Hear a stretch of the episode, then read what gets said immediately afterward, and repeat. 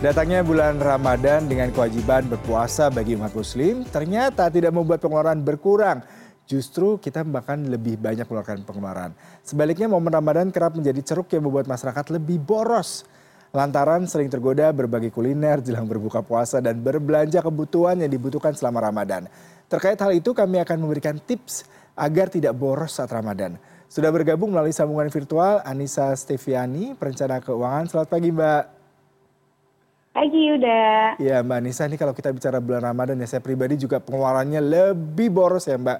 Banyak pertimbangan, salah satu yang mungkin tadi ya kalau kita bicara mengenai pengeluaran untuk konsumsi justru lebih banyak nih Mbak. Karena rata-rata mulai banyak undangan bukber, udah juga lapar mata ya pada saat berbuka itu kita jadi konsumtif. Nah apakah ini merupakan salah satu faktor membuat kita lebih boros Mbak pengeluaran selama Ramadan ini? Oke, sebenarnya faktor yang bikin kita lebih boros itu bukan Ramadannya, tapi persiapan menjelang Ramadannya. Hmm. Kita merasa Ramadan ini harus beli ini itu, harus beli hampers buat orang, harus buka bersama. Kita merasa Ramadan ini harus beli ini itu, punya budget Ramadan khusus harusnya nggak boncos. Mm -hmm. Tapi Ramadan ini kan datang dari tahun ke tahun ya, setiap tahun pasti ada. Tiap tahun keluhannya sama, tiap tahun keluhannya overspending, buka bersama terlalu banyak. Keluhannya hal-hal yang sebenarnya sudah bisa diduga gitu, termasuk biaya-biaya bahan pokok. Keluhannya hal-hal bisa terduga ya, setiap Ramadan, setiap mau lebaran pasti harga-harga naik, tapi kita suka pura-pura kaget nih. Nah itulah yang sebaiknya disiapkan dari yeah. sebelum Ramadan. Kita siapkan budget khusus Ramadan, ada makan spesial karena biasanya kalau mau buka puasa itu makannya lebih banyak ya meskipun kita makan dua kali sehari nggak lagi tiga kali tapi budgetnya biasa lebih banyak kemudian ada juga alokasi beramal biasanya di bulan mm-hmm. Ramadan ini orang-orang lebih senang mengeluarkan uang untuk bersedekah dan beramal kemudian ada uh, biaya-biaya lain yang mungkin muncul seperti uh, kenaikan harga bahan pokok seperti yang aku tadi mention atau berbagi hampers dengan teman-teman dan keluarga. Hmm, Mbak Disa berarti dalam tanda kutip kalau saya pribadi sih berbagi hampers. Uh, lebih boros ya kalau melihat karena tadi kita seolah-olah berubah perilaku. Tapi sebenarnya tidak ada perubahan ya Mbak. Bulan Ramadan maupun bulan-bulan biasa yang biasa kita jalankan seharusnya tidak ada perubahan terhadap perilaku konsumsi kita ya selama penghasilannya tidak berubah seharusnya pengeluarannya juga tidak berubah prinsipnya kan begitu ya kecuali kalau memang ternyata menjelang Ramadan oh kita akan kerja lebih banyak nih sehingga uangnya bisa jadi lebih banyak maka pengeluarannya juga boleh berubah nah itu yang biasanya orang tidak sadari kan pengeluarannya lebih banyak tapi kan penghasilannya tetap hmm. gitu kemudian nanti ada THR nah THR ini juga menganggap oh THR ini boleh dihabisi nih semuanya padahal ada alokasi-alokasi tertentu yang harusnya juga disiapkan untuk THR. Hmm. Mbak Anissa kalau kita bicara mengenai boros tadi ya sebenarnya seperti apa sih tipsnya karena tadi salah satunya kita pasti lebih membelanjakan uang untuk kebutuhan-kebutuhan yang euforia ya terhadap Ramadan seperti tadi mungkin berbelanja makanan, baju baru, kemudian juga beli tiket mudik dari jauh-jauh hari. Lalu seperti apa nih Mbak untuk mengelola keuangannya karena kan THR belum tentu turun dalam waktu satu minggu ini gitu. Jadi masih banyak nafas nih orang untuk menghemat keuangannya.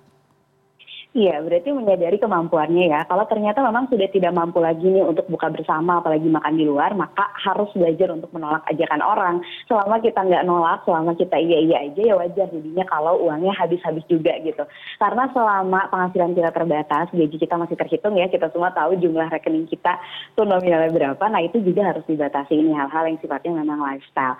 Karena sebetulnya kalau dari awal udah kita batasi, kita udah tahu nih, oh berarti seminggu buka barang cuma bisa sekian dalam seminggu budget takjil itu berapa. Nah kalau nggak disiapkan itulah yang kita dua minggu pertama mungkin semangat, dua minggu berikutnya langsung bengong nih gajian masih lama, THR belum turun, Ramadannya masih ada gitu. Hmm. Ya, salah satunya mungkin dipermudah dengan online shop, kemudian juga berbelanja dengan daring, dan sembari menunggu uh, beduk uh, maghrib kita kadang-kadang suka browsing ingin cari makanan-makanan lain. Apakah juga faktor eksternal seperti ini juga berpengaruh terhadap perilaku konsumsi kita selama Ramadan, Mbak?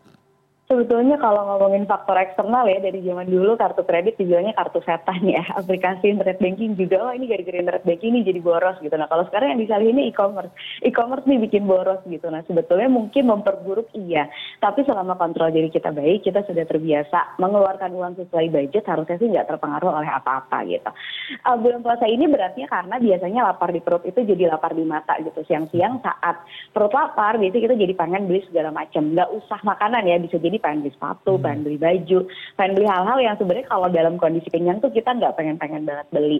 Nah kalau aku selalu menyarankan kita lebih mudah untuk uh, menghindari aja gitu, karena kalau kita nggak hindari itu akan lebih susah. Hindarinya caranya gimana? hindarinya bisa dengan di-uninstall aplikasinya atau jangan sering-sering buka kondisinya solo out misalnya di laptop ya daripada yeah. harus menahan diri gitu manusia itu jauh lebih mudah menghindari daripada harus menahan diri. Iya, yang menarik tadi anda katakan sebenarnya Ramadan ini kan sudah sebuah apa hal yang lumrah setiap tahun selalu kita rayakan. Berikut itu juga dengan Idul Fitri. Tapi acap kali kita seperti lupa ini seperti momen kita untuk bergembira bersuka cita jika expense-nya lebih banyak. Ada nggak sih mbak langkah-langkahnya? Mungkin jauh-jauh hari sebelum Ramadan kita harus mengalokasikan dana sekian untuk tadi ya karena harga-harga sembako naik kemudian juga banyak expense untuk bukber. Seperti apa nih mbak langkah strategisnya mbak Betul, mumpung Ramadannya belum selesai, sekarang coba ditulis deh sebenarnya pengeluaran Ramadan kita itu apa aja sih. Soalnya kalau nggak ditulis, kita nggak pernah tahu sebenarnya seberapa banyak bocornya, seberapa banyak perbedaannya dengan bulan-bulan biasa. Kalau kita udah tahu perbedaannya, kita bisa siapkan untuk tahun depan, termasuk untuk lebaran dan pasca hmm. lebaran. Ini yang orang jarang bahas ya. Mudik mungkin tiap tahun orang udah siapkan, terutama kalau mudiknya jauh keluar pulau, itu biasanya orang udah siapkan. Tapi yang lupa disiapkan misalnya berbagi sama orang tua, itu udah iya. disiapin atau belum? Uang angpau ternyata ponakannya makin banyak tahun ini banyak sepupu-sepupu sama kakak-kakak adik-adik yang melahirkan. Misalnya itu kan angpau yang disiapkan juga harus lebih banyak. Lalu juga masa lebaran itu biasanya nggak dibahas juga tuh. Yang dibahasnya mudik mudik dan mudik. Terus pasca lebaran juga masih ada liburan. Kalau di rumahnya punya anak punya pembantu rumah tangga biasanya butuh juga budget pembantu infal mm-hmm. lalu dari lebaran itu bukan garis finish ya dua bulan kemudian masih ada idul adha. Nah yeah. itu sebaiknya disiapkan sebagai pengeluaran tahunan. Karena kalau mm-hmm. orang biasanya ngomongin pengeluaran bulanan itu udah lancar. Yeah. Jadi buat apa aja tuh udah tahu tuh semuanya bayar listrik, bayar sekolah anak, beli uh, bensin buat transportasi itu udah lancar semuanya. Tapi pengeluaran tahunan biasanya itu mhm. nggak mm -hmm. tahu persis apa aja. Makanya banyak banget yang pura-pura kaget ya ketika kita mau bayar pajak kendaraan bermotor. Yeah aduh boncos banget nih bulan ini karena harus bayar pajak mobil. Padahal hmm. tiap tahun harus bayar pajak. Nah itu karena tidak disiapkan pengeluaran tahunnya, tahunannya jadinya boncos. Jadi ditulis apa aja pengeluaran tahunanmu bisa jadi banyak, terutama yang mudiknya jauh, tapi bisa di, jadi juga sedikit gitu. Mungkin orang tuanya tinggal satu kota, mertuanya tinggal satu kota. Nah itu bisa jadi juga tidak terlalu banyak. Nggak ada tips pastinya, tapi setiap orang kalau kita udah tahu uh, porsi-porsi pengeluarannya apa aja, bisa disiapkan uangnya dari jauh-jauh hari. Menyiapkannya satu bisa dari THR. Kalau THR nggak cukup, mungkin istrinya bekerja, THR suami istri. Kalau dulu aku sama-sama bekerja dan suamiku, THR suami istri itu cukup untuk semua kebutuhan tahunan kita.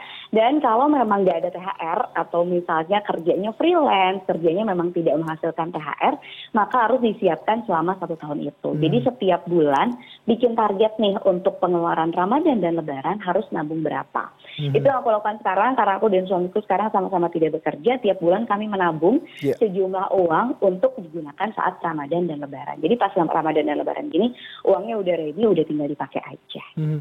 Berarti dengan konteks di mana memang perlu ada pos tersendiri ya Mbak untuk mempersiapkan seandainya Ramadan terutama terkait dengan harga-harga sembako, daging, tadi juga kentang katanya naik. Jadi sewaktu-waktu tidak lagi kelimpungan dengan harga-harga yang naik seperti itu ya Mbak? Betul, karena ini hal yang bisa diprediksi sekali gitu. Tiap tahun pasti akan naik dan tiap tahun pengeluaran Ramadan kita akan meningkat. Jadi alangkah baiknya nih habis lebaran mulai deh dihitung. Kemarin Ramadan dan lebaran itu habis berapa, dibagi 12 setiap bulan harus nabung sejumlah uang itu. Kalau aku hmm. kayak gitu dan worth sekali jadi tidak pernah kekurangan saat Ramadan dan lebaran. Hmm. Nah ini kalau kita bicara mengenai kemudahan yang banyak diberikan oleh merchant maupun oleh perbankan terkait dengan pay letter nih Mbak. Selain tadi kartu kredit ya, bagaimana kita mengolahnya? Karena kita seolah di dipermudah karena itu seperti kayak kita punya banyak privilege untuk mengeluarkan uang lebih banyak tapi ternyata itu juga utang gitu mbak iya seolah olah itu jadi dana cadangan. Padahal menurut aku sebisa mungkin sih jangan bayar pakai uang orang lain ya. Kartu kredit dan pay itu bukan uang kita gitu. Boleh pakai misalnya ngejar cashbacknya ngejar diskonnya itu boleh pakai tapi harus dibayar segera gitu. Kadang-kadang yang nggak kita sadari itu adalah kita nggak punya catatan utang kita apa aja. Yeah. kita nggak punya catatan cicilan kita apa aja. Ketika ada bonus cashback atau apa dengan bayar pakai kartu kredit atau pay kita bayar-bayar aja tanpa menyadari sebenarnya utang-utang yang kemarin aja masih menumpuk dan belum dibayar. Jadi cara bijaknya adalah selalu punya catatan sebenarnya kita punya utang di mana aja, cicilan kita totalnya berapa. Dan sebisa mungkin kalau aku sendiri itu nggak menggunakan kartu kredit atau pay untuk pembayaran-pembayaran yang sebetulnya bisa dibayar pakai budget lifestyle kita gitu. Kalau hmm. sebenarnya nggak bisa ya, tapi nggak bisa nih uangku udah nggak cukup untuk bayar uh, budget ini gitu hmm. ya jangan dibeli mungkin harus ditunda sampai nunggu gajian lagi bulan depan dan itu yang biasanya orang sulit ya kemampuan hmm. menunggu untuk membeli gitu tidak dibiasakan dibiasakan sejak kecil uh, tidak pernah berlatih dan tidak pernah punya kemampuan untuk menunggu jadinya ingin semuanya serba instan. Dan itu yang memang harus dilatih. Dan berlatih ini tidak mungkin hanya satu kali ya satu kali gajian baru satu kali berlatih menahan diri mungkin perlu enam kali enam bulan atau dua belas kali satu tahun gitu. Jadi konsistensi berlatihnya juga penting. Jadi konsistensi untuk tidak terlalu instan dan tidak euforia untuk membelanjakan uang sedikit mbak terakhir mengenai tips. Meskipun tadi anda sudah memberikan beberapa spillnya ya tadi terkait dengan menyiagakan dana taktis maupun pos-pos yang memang akan disiapkan seandainya memang tadi ada fluktuasi harga. Mungkin mbak bisa memberikan informasi terkait hal ini mbak pos-posnya ya, jadi gini, ke, gini, ketika mengatur THR atau mengatur gaji, orang biasanya itu membaginya kebutuhan atau keinginan gitu ya. Biasanya kebutuhan dan keinginan ini jadinya blur. Aku butuh banget hmm. nih sepatu baru gitu kan, soalnya mau lebaran. Bener nggak butuh? Yeah. Apakah itu butuh? Apakah itu ingin? Nah kalau aku senang membaginya jadi tiga. Jadi ada kewajiban, kebutuhan, dan keinginan. Hmm. Ada hal-hal yang sifatnya wajib dulu nih sebelum kita masuk ke kebutuhan dan keinginan. Jadi kewajiban ini sifatnya mandatory ya, harus banget seperti seperti pembayaran utang itu harus dibayar. Yeah. Bayar pajak, nggak mungkin kita nggak bayar pajak kendaraan, pajak rumah gitu ya, nggak yeah. mungkin nggak dibayar. Kemudian membayar zakat itu juga kewajiban. Ini harus banget dilakukan. Yang kedua itu kebutuhan. Kebutuhan ini sifatnya survival. Kalau kita nggak beli, kita nggak survive. Kebutuhan ini biasanya berupa sandang, pangan, dan papan, hmm. berbagi buat keluarga, THR, asisten, asisten, dan orang-orang yang bantu kita di rumah, berkorban, atau pembayaran premi asuransi misalnya, itu hmm. butuh aja gitu ya. Yeah. Kalau kita nggak bayar itu kita nggak survive, kita harus melakukannya. Dan yang terakhir ada keinginan nih, keinginan ini sifatnya nice to have. Jadi kalau nggak uh, dibayar, kalau nggak dikeluarin, sebenarnya nggak ada yang tersakiti gitu. Yeah, Jadi yeah. keinginan inilah di level terakhir. Kalau ini nice to have aja, kalau dia nggak mengganggu survival mode kita sebagai manusia, maka itu keinginan. Nah, jadi sebelum mengeluarkan uang, kapan pun, mm-hmm. Ramadan atau tidak Ramadan, THR atau bukan, diingat apakah ini kewajiban, apakah ini kebutuhan, atau apakah ini keinginan. Keinginan ini boleh dipenuhi asalkan kewajiban dan kebutuhannya sudah terpenuhi gitu. Dan tentu saja keinginan ini tidak dipenuhi dengan uang orang lain tadi ya, nggak pakai peleter, nggak pakai kartu kredit, bisa mungkin sesuai dengan kemampuan.